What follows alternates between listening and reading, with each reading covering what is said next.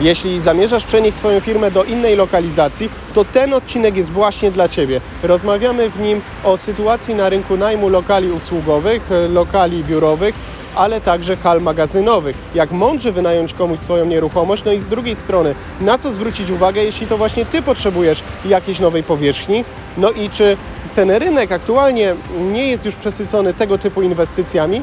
Właśnie o tym będziemy rozmawiali.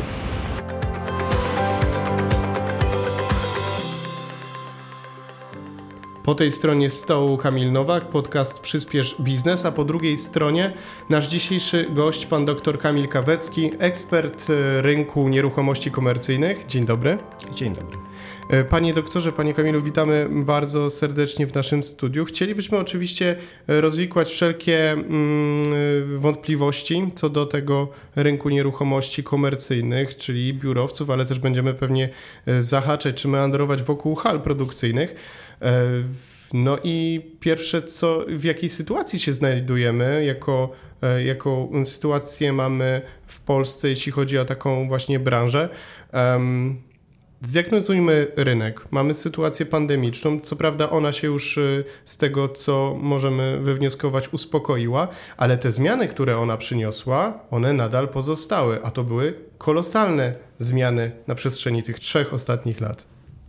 E, tak, zgadza się. No, kolokwialnie można powiedzieć, że biznes nieruchomości komercyjnych, zarówno centrów biurowych, jak i galerii handlowych, również powierzchni magazynowych został wywrócony do góry nogami. Co tu dużo mówić, e, odejście od reguły dużych powierzchni typu open space, otwartych przestrzeni, gdzie wszyscy razem pracowaliśmy, czy to w formie teamów, czy w formie całych działów, no został całkowicie zachwiany. Tak? Problem COVID-19, kontaktu pomiędzy poszczególnymi członkami zespołów, możliwość zakażenia się sprawiło, no, że de facto musieliśmy znaleźć alternatywę. Tak? No, alternatywą była oczywiście praca zdalna. Pracownicy zostali przeniesieni do e, swoich domów, Stamtąd dostali odpowiednie oczywiście narzędzia w postaci komputerów, no i tak praca musiała niestety wyglądać. E, z jednej strony nastąpiła diametralna cyfryzacja biznesu. Obieg dokumentów stał się całkowicie cyfrowy. Tak? Zaczęto na masową skalę wykorzystywać podpis elektroniczny, profil zaufany, ponieważ tak de facto nie można było spotkać się w sali konferencyjnej. Te przysłowiowe sale konferencyjne zamieniliśmy de facto na, można powiedzieć, e, spotkania online.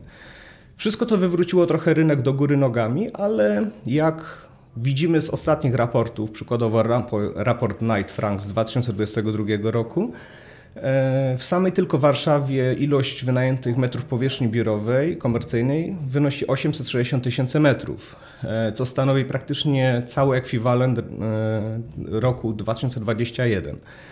Jak widzimy również, tendencja ta jest na tyle wzrostowa, że przewiduje się, że w tym roku ilość tych metrów wzrośnie jeszcze o kolejnych 30%. My również zauważamy to nie tylko w Warszawie, również na naszym rynku śląskim, czy to Wrocławia, czy Krakowa, że tak naprawdę pracownicy wracają do biur. Czy jest to praca typowo stacjonarna, czy hybrydowa? To już w zależności od branży, o którym można by tutaj dyskutować, ale prawda jest taka, że pracownik w jakimś stopniu do tego biura wrócić musi.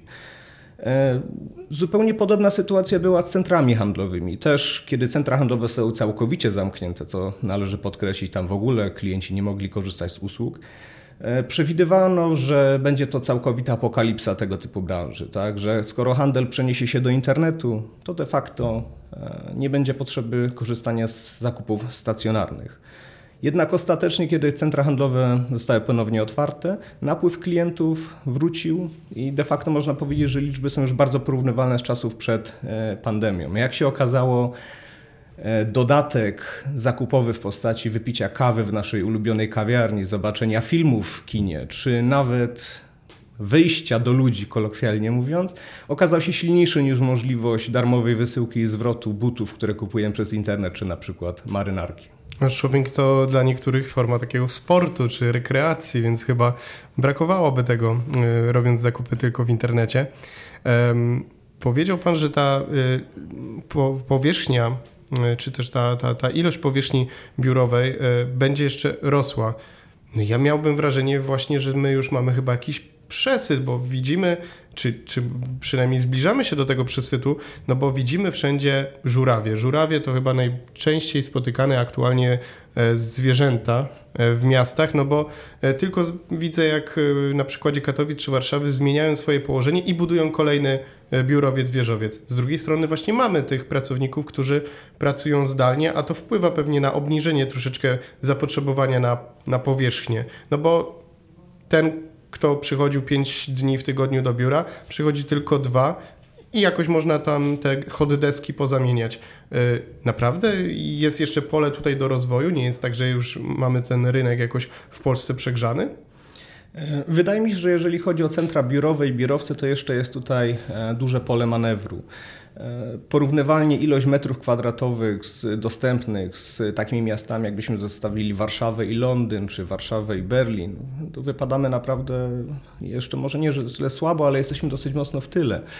Należy zauważyć, że mm, na tyle, jeżeli może występować eksodus y, dużych biurowców z ścisłych centrów miast, czy wiąże się to z kosztami oczywiście wykupu działek po wyższych kwotach, to jednak e, huby biznesowe, które otwierają się w ościennych dzielnicach czy w ościennych e, częściach miast, wykazują naprawdę bardzo duży potencjał. E, dla przykładu jasne, oczywiście taka, takie firmy jak IBM e, czy Capgemini, które zatrudniają tysiące pracowników, dla nich oczywiście jak najbardziej e, duże molochy biznesowe, jeżeli tak bym je nazwał, będą zawsze potrzebne, ponieważ mimo tego, że tak jak Pan wspomniał, hot deski gwarantują nam to, że powiedzmy jedna czy tam dwie osoby mogą pracować na określonych metrach kwadratowych, to jednak mimo wszystko właśnie jest to ta praca hybrydowa i dalej do tego biura będzie trzeba podchodzić, przychodzić. Ale zauważyliśmy zupełnie inny ciekawy trend, szczególnie na Śląsku, który się e, wytwarza, mianowicie biura loftowe. E, w szczególności są to przerabiane na przykład kamienice czy stare budowle na biura takie bardziej kameralne. Jasne, duża firma, korporacja IT raczej nie będzie taką lokacją w ogóle zainteresowana z prostej przyczyny za mała powierzchnia, za duża ilość pracowników, problemy logistyczne, zabezpieczenia technologiczne, ale już na przykład taka mniejsza firma, na przykład marketing kreatywny, jak najbardziej może się tam bardzo fajnie zaadoptować. Wiąże się to przede wszystkim z mniejszymi kosztami. Dodatkowo e, swojego rodzaju prestiż, stworzenie takiego, można powiedzieć, swoistego e, klimatu. I szczególnie tego typu właśnie ten trend rewitalizacyjny zauważamy na Śląsku, co jest bardzo dobrym dla nas trendem, ponieważ e, Śląsk zawsze niestety był kojarzony z przemysłem. Uważano nas jednak za taki hub e, produkcyjny, a taka jest prawda, że nasz e, region wiedzie prym, jeżeli chodzi o usługi. I tych usług jest coraz więcej, coraz więcej firm się do nas przenosi. No co tu dużo mówić, liczby mówią same za siebie. Według najnowszych danych GUS-u e, w przedsiębiorstwach, które zatrudniają powyżej 9 osób, średnie wynagrodzenie w Katowicach wyniosło 9577 zł brutto. Jest to najlepszy wynik w całym kraju. No proszę.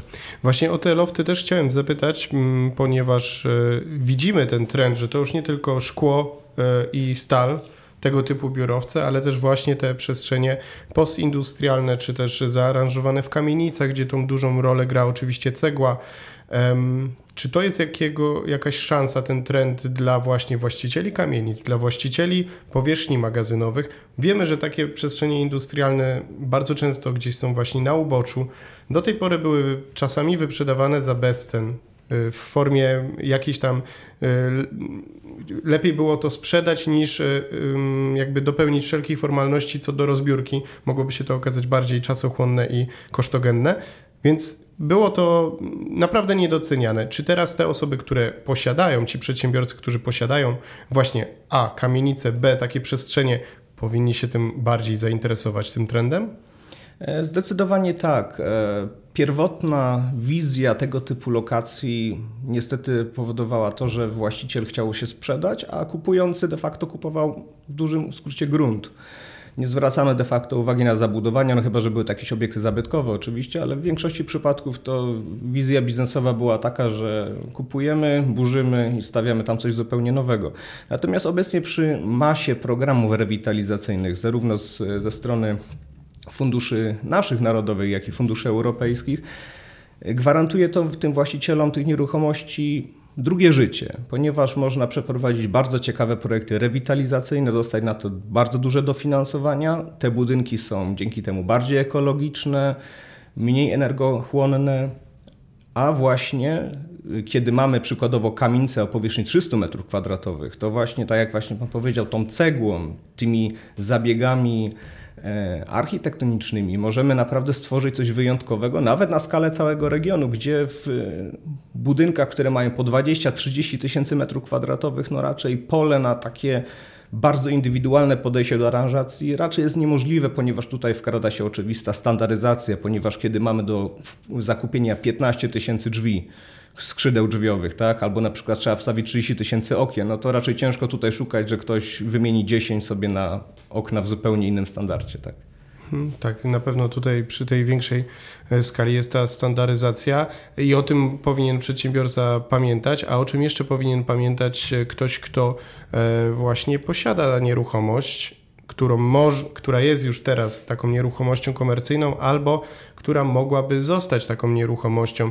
To znaczy, co powinien mieć tak z, w głowie na pierwszym miejscu? Kierować się chociażby przystosowaniem do potrzeb osób z niepełnosprawnościami? Powinien w jakiś sposób tak to ułożyć, żeby uniknąć jakichś, e, nie wiem, zbyt wielkich obciążeń podatkowych? Jak, jaki model powinien przybrać, na co zwrócić uwagę? Przede wszystkim należy skupić się na, może to się wyda trochę trywialne, ale jest to kluczowe, którego klienta tak naprawdę szukamy do tej danej nieruchomości. Ponieważ przykładowo mając budynek parterowy, parterową halę, możemy zaadoptować ją na przykład na klub fitness, ale równie dobrze na budynek, w którym będą prowadzone szkolenia, czyli nawet można powiedzieć, że będzie to szkoła. Zarówno jeden, jak i drugi obiekt diametralnie różnią się pod kątem przepisów, na przykład przepisów przeciwpożarowych, które muszą zostać e, tam zastosowane. Również wszelkie przepisy dotyczące technologii wodkan, sanitariatów. Każda nieruchomość jest zupełnie inna i w zależności od klienta trzeba ją inaczej dostosowywać. Ja jestem zwolennikiem tego, żeby jednak dostosowywać nieruchomości pod konkretnego klienta i raczej czekać na niego, szukać go, niż robić pustą halę i dawać ogłoszenie, że ktokolwiek do nas przyjdzie, to my to dostosujemy. Ponieważ dla przykładu bardzo fajnie, jeżeli na 5 lat wynajmiemy halę pod szkołę, za 5 lat, no niestety, na przykład ta szkoła e, zmieni lokalizację, na przykład zmieni się ich model biznesowy i ten najemca nam wyjdzie. No i co dalej, tak? I nagle pojawi się klub fitness i może się okazać, że nakłady związane z przepracowaniem tego budynku pod klub fitness będą na przykład wyższe niż kilkuletni czynsz, który trzeba, który będzie można pobrać od potencjalnego najemcy. Druga kwestia, jeżeli chodzi o osoby z niepełnosprawnościami, to jest niestety bolączka, że nie jest to niestety dalej standard. To nie dotyczy tylko naszego regionu, ale jest to problem ogólnopolski. E, te osoby są pomijane i nie wszystkie nieruchomości są tak przystosowane, żeby mogły wspierać tego typu pracowników. E, co jest oczywiście absurdalne, ponieważ jeżeli nawet ktoś potrzebuje stricte biznesowego wyjaśnienia, dlaczego powinny budynki być dostosowane dla osób niepełnosprawnych, to powtarzam, po prostu z biznesowego punktu widzenia wykluczamy potencjalnych klientów czy też najemców, którzy mogliby z naszej oferty korzystać. Natomiast jeżeli chodzi o podatki, to jest to bardzo, czy koszty, jest to bardzo szeroki temat, ale Najprościej można to ująć w ten sposób na przykładzie naszej aglomeracji. Każde miasto ustala swoje własne wysokości podatków od nieruchomości. I e, to samo tyczy się kosztów energii elektrycznej, e, ogrzewania, przykładowo jeżeli mamy ogrzewanie miejskie, kosztów wody, w zależności, które spółki są zarządzają określonymi w naszym przypadku miastami.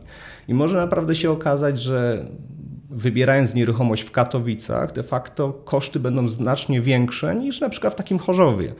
A miasta, centra tych miast są oddalone od siebie raptem o 11 km. Dlatego nie są to aż takie dystanse, żeby nie brać pod uwagę tego, że przykładowo można wybudować coś w innym mieście ościennym, gdzie po prostu będzie taniej. Jak to wygląda na przykładzie rynku warszawskiego, bo tam jednak te dzielnice chyba aż tak ze sobą nie, nie rywalizują jak miasta poszczególne, tak samo z Trójmiastem. Te, te trzy miasta znamy jako Trójmiasto, ale jednak ta rywalizacja gdzieś tam jest. W Warszawie chyba takiej rywalizacji nie ma i ten rynek kształtuje się trochę inaczej? Jeżeli chodzi o Warszawę, to przede wszystkim e, zawsze prym wiodło, wiodło i będzie wiodło Trójmiasto, e, śród, Śródmieście, przepraszam. Jeżeli chodzi o Śródmieście, to tam przykładowo no, typu lokalizacje typu rondo ONZ są na tyle gorące, że tam zawsze będzie jednak jeszcze miejsce na dodatkową nieruchomość i żebyśmy się tam wszyscy pomieścili. Natomiast jeżeli chodzi o Warszawę, to również następuje taka wewnętrzna, cicha rywalizacja, o której raczej miasto stołeczne nie mówi. Przykładem może być dzielnica Wola, która jeszcze 5-6 lat temu chodziła za E, no raczej miejsce nie tak do, bardzo atrakcyjne jak pozostałe e, dzielnice Warszawy. Była to przede wszystkim dzielnica mieszkalna, uważana ją za taką po części trochę sypialnię Warszawy. Natomiast mija 5-6 lat i stajemy e, tutaj przed obliczem tego, że Wola jest naprawdę jednym z najbardziej popularnych miejsc obecnie, do, zarówno do zamieszkania, powstają tam również właśnie nieruchomości komercyjne, centra handlowe. No i nagle się okazuje, że niekoniecznie trzeba mieć biuro z widokiem na Pałac Kultury, żeby w Warszawie świetnie funkcjonować, a zarazem być na tyle dobrze połączonym komunikacyjnie, żeby korzystać z całej infrastruktury i dobrodziejstwa stolicy. A odwróćmy teraz sytuację, bo mówiliśmy w większości o sytuacjach e, z perspektywy właściciela jakiejś nieruchomości. A teraz postawmy się w roli przedsiębiorcy, który szuka w związku z nieustającym rozwojem, którego oczywiście wszystkim życzymy i pomagamy, mam nadzieję, tym właśnie podcastem. Mamy przedsiębiorcę, który się rozwija, rozwija swoją firmę, potrzebuje wprowadzić do nowej, większej lokalizacji swoich pracowników, swoje maszyny, swój sprzęt do nowej hali produkcyjnej. Na co, czym się kierować? Oprócz oczywiście ceny, na co nas stać lub nie. Ale na czym się kierować jeszcze? Na co zwrócić uwagę, wybierając e, właśnie nieruchomość komercyjną z podziałem. Tutaj porozmawiamy o biurach, a jakieś kilka słów też o halach. No to może zaczniemy od biur, bo to jest bardziej złożony temat. Jeżeli chodzi o poszukiwanie powierzchni biurowej, przede wszystkim skupmy się na tym, e, jaki mamy profil naszych pracowników. Jeżeli przykładowo są to osoby młode, które na przykład nie posiadają swoich samochodów, e, skupiamy się w tym momencie na znalezieniu nieruchomości, która jest świetnie skomunikowana pod kątem komunikacji miejskiej. To znaczy samochody na drugą stronę, a bierzemy pod uwagę tutaj autobus, kolej, tramwaje. Akurat nasza, e, nasz region jest świetnie skomunikowany, jeżeli chodzi pomiędzy e, miastami. Druga kwestia jest taka, jakiej właśnie powierzchni de facto poszukujemy pod kątem profilu też również naszego pracownika. Czy jest to właśnie ten przysłowiowy open space, a może właśnie na przykład powierzchnia gabinetowa, ponieważ nasi pracownicy pracują w określonych grupach zadaniowych. Również jeżeli chodzi na przykład o nasz region, to polecałbym również y, zastanowić się nad miastami ościennymi, ponieważ tak jak właśnie Warszawa jest już de facto traktowana stricte dzielnicowo, nasza e, metropolia również y, zaczyna być traktowana pod kątem miast również jako dzielnic. I tak jak wspominałem, nie trzeba zawsze patrzeć tylko i wyłącznie pod kątem Katowic. Możemy znaleźć coś na przykład bardzo ciekawego w Sosnowcu, czy też na przykład właśnie w Chorzowie, a zarazem e, jest to na tyle blisko i świetnie skomunikowane, że e, będzie to dla nas o wiele bardziej wygodne. To samo tyczy się e, centrów logistycznych. Tak? No jest to zrozumiałe, że magazynu czy centrum logistycznego nie budujemy w ścisłym centrum miasta, ponieważ logistycznie dojechać do niego i trans, transport byłby po prostu niewykonalny. Ale jeżeli znajdziemy miejsce, które jest troszeczkę bardziej oddalone, ale na przykład skomunikowane dobrze z, z można powiedzieć, z dwoma autostradami, na przykład takim miejscem można określić Bytom, e, od razu nasza sytuacja jest o wiele łatwiejsza, a właśnie wracając do tej pierwszej kwestii, o której Pan wspomniał, no zawsze cenowo jest to o wiele bardziej atrakcyjne, a pod względem kosztów zawsze patrzymy w kategoriach makro. Tutaj wynajmując powierzchnię raczej podpisujemy kontrakty wieloletnie i tutaj każda oszczędność przemnożona razy 36 miesięcy, dajmy na to, przyniesie relatywne wartości. No, wiemy już e, w takim razie, że te hale produkcyjne, no, nie budujemy ich oczywiście, czy e, nie wynajmujemy ich w centrach miast, e, natomiast ten proces przesuwania się pewnie następuje. A co z biurowcami? Czy one, czy, czy też widzimy taki trend wyciągania ich z centrów miast na obrzeża? Czy to się dzieje? Tak, zdecydowanie. Przede wszystkim tworzymy huby biznesowe, które są troszeczkę bardziej oddalone od centrów miast ale te huby biznesowe dzięki e, swojej makrostrukturze gwarantują stworzenie społeczności samych w sobie, ponieważ jeżeli taki hub przewiduje posiadanie firm, które zatrudnią łącznie 2-3 tysiące osób, nagle okazuje się, że w takim hubie można stworzyć całą wewnętrzną infrastrukturę gastronomiczną, szkoleniową, e, handlową, więc niekoniecznie już e, są te takie stare trendy, że jeżeli gdzieś pracujemy poza centrum miasta, no to wszystko fajnie, ale tam nie mamy żadnej infrastruktury, więc tylko de facto jeździmy z pracy i do domu, no bo wszystko trzeba załatwiać w, w, w, w centrum miasta. Również taki przykład właśnie ciekawy E, przesycenia rynku pod kątem e, centrów handlowych można zauważyć na przykładzie naszego regionu. Tak? W 2016 roku to była taka bardzo głośna sprawa. Zbankrutowało jedno z największych centrów handlowych w, e, w Polsce, Centrum Handlowe Sosnowiec przy ulicy Baczyńskiego. Była to bardzo głośna sprawa, no, ponieważ w tamtych latach uważano, że tego typu obiekty są odporne na wszystko, na każde zawirowania ekonomiczne i po prostu jak ktoś stawia centrum handlowe, no to to już po wsze czasy będzie funkcjonowało. Okazało się, że model biznesowy był błędny. Przykładowo pod kątem tego, że gwoździem do trumny było wyjście dużego supermarketu w tamtym e, czasie, jeżeli dobrze pamiętam, był to e, supermarket Real.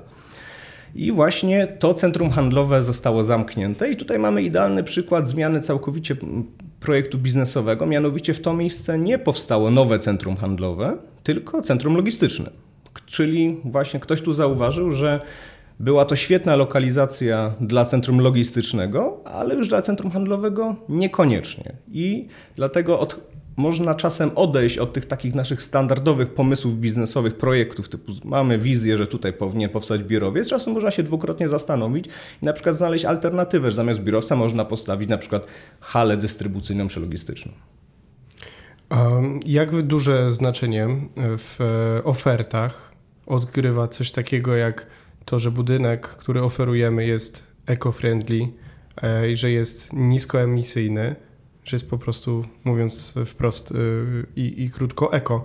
Czy to już y, naprawdę robi wrażenie w ofercie, albo czy może już w ogóle jesteśmy dalej, czy to przestało robić wrażenie i to jest wymagane i wręcz bez tego certyfikatu, że y, nasz budynek jest dobrze energetycznie przemyślany, mało emisyjny, to w ogóle nie mamy z czym się pokazywać na rynku. Wydaje mi się, że ekologia staje się teraz już kluczowym elementem i zarówno pod kątem właścicieli firm, biurowców czy centrów handlowych, ale również pracowników jest on elementem nieodzownym, którego nie można pomijać. E, jeszcze kilkanaście lat temu cena, można by powiedzieć, grała główną rolę. Teraz naprawdę wszyscy patrzymy troszeczkę na to, jak pod jakim kątem ekologicznym możemy ocenić daną nieruchomość. E, z punktu widzenia biznesowego posiadanie certyfikatu PTCE czy na przykład certyfikatu LEED energetycznych e, daje możliwość zagwarantowania niskich cen energii, niskich cen eksploatacji mediów, które przy obecnym kryzysie energetycznym grają kluczową rolę, ponieważ przy wzrostach cen energii czasem koszty mediów przewyższają koszty najmu w niektórych powierzchniach, dlatego staje się to kluczowe dla właścicieli firm, żeby taki certyfikat posiadać. E, dla przykładu, nieruchomość, którą ja zarządzam, posiada taki certyfikat i cała energia energetyczna jest, pochodzi z odnawialnych źródeł energii, co oczywiście ma realne przełożenie na cenę megawattogodziny. No i dla przykładu dla firmy IT, która posiada kilkanaście serwerów, które muszą pracować 24 godziny na dobę, 7 dni w tygodniu, 365 dni w roku, jest to naprawdę realna oszczędność. Natomiast z punktu widzenia pracownika coraz bardziej zauważamy ten trend, że pracownicy chcą mieć do czynienia z e, taką, można powiedzieć, powierzchnią eco-friendly. E, coraz więcej pracowników przyjeżdża do pracy na rowerach, dlatego oczekują, że takie stacje rowerowe będą im zagwarantowane. Zmiany dotyczące toalet, może to się wydać trywialne, ale mm, sanitariaty są przerabiane, żeby dodawane do nich były mm, prysznice, ponieważ coraz więcej młodych ludzi chce aktywnie dotrzeć do e, pracy, na przykład w formie biegania. E, dodatkowo pracownicy zaczynają zadawać administratorom pytania w stylu, czy windy, którymi jeździmy, oddają energię do sieci. E, czy posiadamy ładowarkę elektryczną, ponieważ potencjalnie chciałbym kiedyś jeździć samochodem elektrycznym po mieście chciałbym tutaj sobie podładować samochód. To są nowe problemy, które rozpowszechniają się na masową skalę. Z jednej strony wydają się oczywiste. No, ktoś może powiedzieć, wystarczy zamontować kilka paneli fotowoltaicznych i jestem ekologiczny, ale nie tak do końca. Tutaj potrzebna jest potrzebna jest szersza perspektywa, żeby pracownik tak na dobrą sprawę e, mógł nawet no, kolokwialnie mówiąc pochwalić się na Facebooku. Pracuję w strefie ekologicznej, e, jestem zielony, jestem eko, patrzcie, e, jest to super miejsce do pracy, do działania. No właśnie poruszyliśmy te kwestie związane z energią, kwestie związane z kosztami.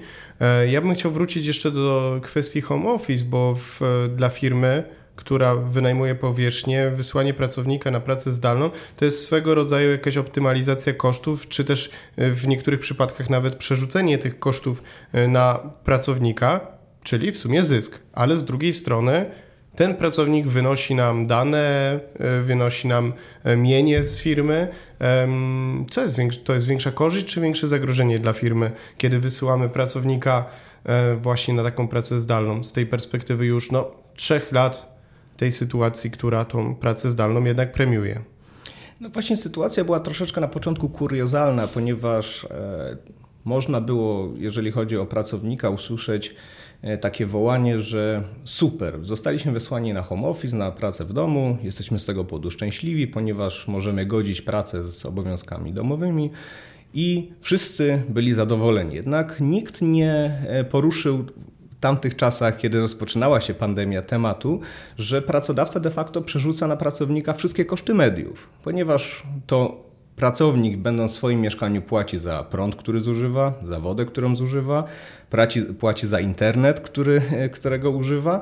Jasne, zgadzam się, no raczej jest to rzadka sytuacja, żeby ktoś w swoim prywatnym mieszkaniu nie posiadał e, internetu ale podpisując umowę z operatorem, raczej nie braliśmy pod uwagę, że będzie to nasze narzędzie pracy bądź narzędzie do zarabiania pieniędzy tak?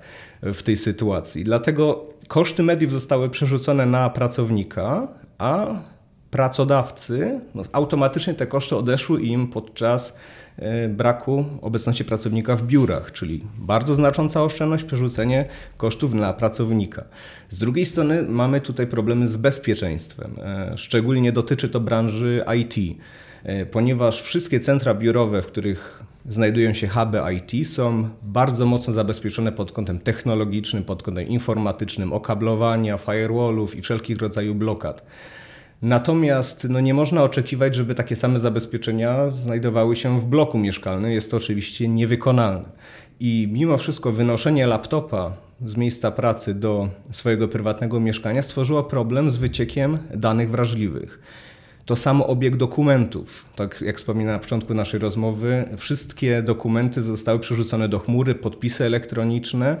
Te dokumenty zaczęły wyciekać. Czy to przypadkowo ktoś wysłał maila do nie tej osoby, czy ktoś się komuś włamał na pocztę. No niestety, ale czasem dane wrażliwe są wysoce e, są wiele, wiele warte. Również na przykład taki trywialny przykład pod kątem własności intelektualnej. Był student, który uczestniczył w wykładzie online, do którego ma oczywiście uprawnienie, ponieważ jest studentem danego uniwersytetu czy danej uczelni. Ale co jeżeli ten sam wykład obserwowała na przykład jego mama, która teoretycznie uprawniona do e, uczestniczenia w tym wykładzie nie jest? Jak to ma się do, wartości, do własności intelektualnej? Czy ten profesor, który wykładał, wyraził zgodę, żeby potem mama tego studenta opisywała ten wykład u siebie, na przykład wśród swoich koleżanek na, e, na przykład rozmowie online. Wszystkie te elementy sprawiły, że tak de facto zaczęliśmy się zastanawiać, czy ta praca zdalna e, tak naprawdę jest efektywna i ma sens. No i tutaj dwa przeciwstawne zestawienia. Rok 2021, The Economist, badania brytyjskie wykazują, że broń Boże, żadnej pracy zdalnej jest ona nieefektywna, ponieważ mamy za dużo bodźców zewnętrznych w domu, jesteśmy cały czas zmuszani do odrywania uwagi od naszych obowiązków. W dużym skrócie praca w domu jesteśmy na nie. Mamy rok 2022 i badania z Uniwersytetu e, Stanforda. I tutaj nagle okazuje się, że jest zupełnie odwrotnie, tak? że praca zdalna jest naprawdę wysoce efektywna.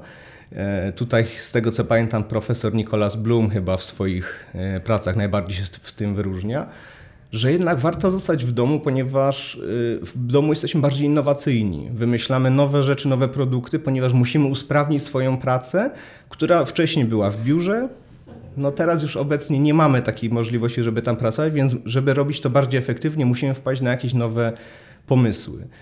No i teraz najważniejsze pytanie: praca w domu czy praca w biurze? Mm, obecnie mamy taki niepisany status quo pomiędzy pracodawcą a pracownikiem, czyli praca hybrydowa, która sprawia, że zarówno troszeczkę w tym biurze spędzamy czasu, Dzięki temu mamy możliwość operowania tymi danymi najbardziej wrażliwymi w biurze i tu nie ma ryzyka wycieku tych danych.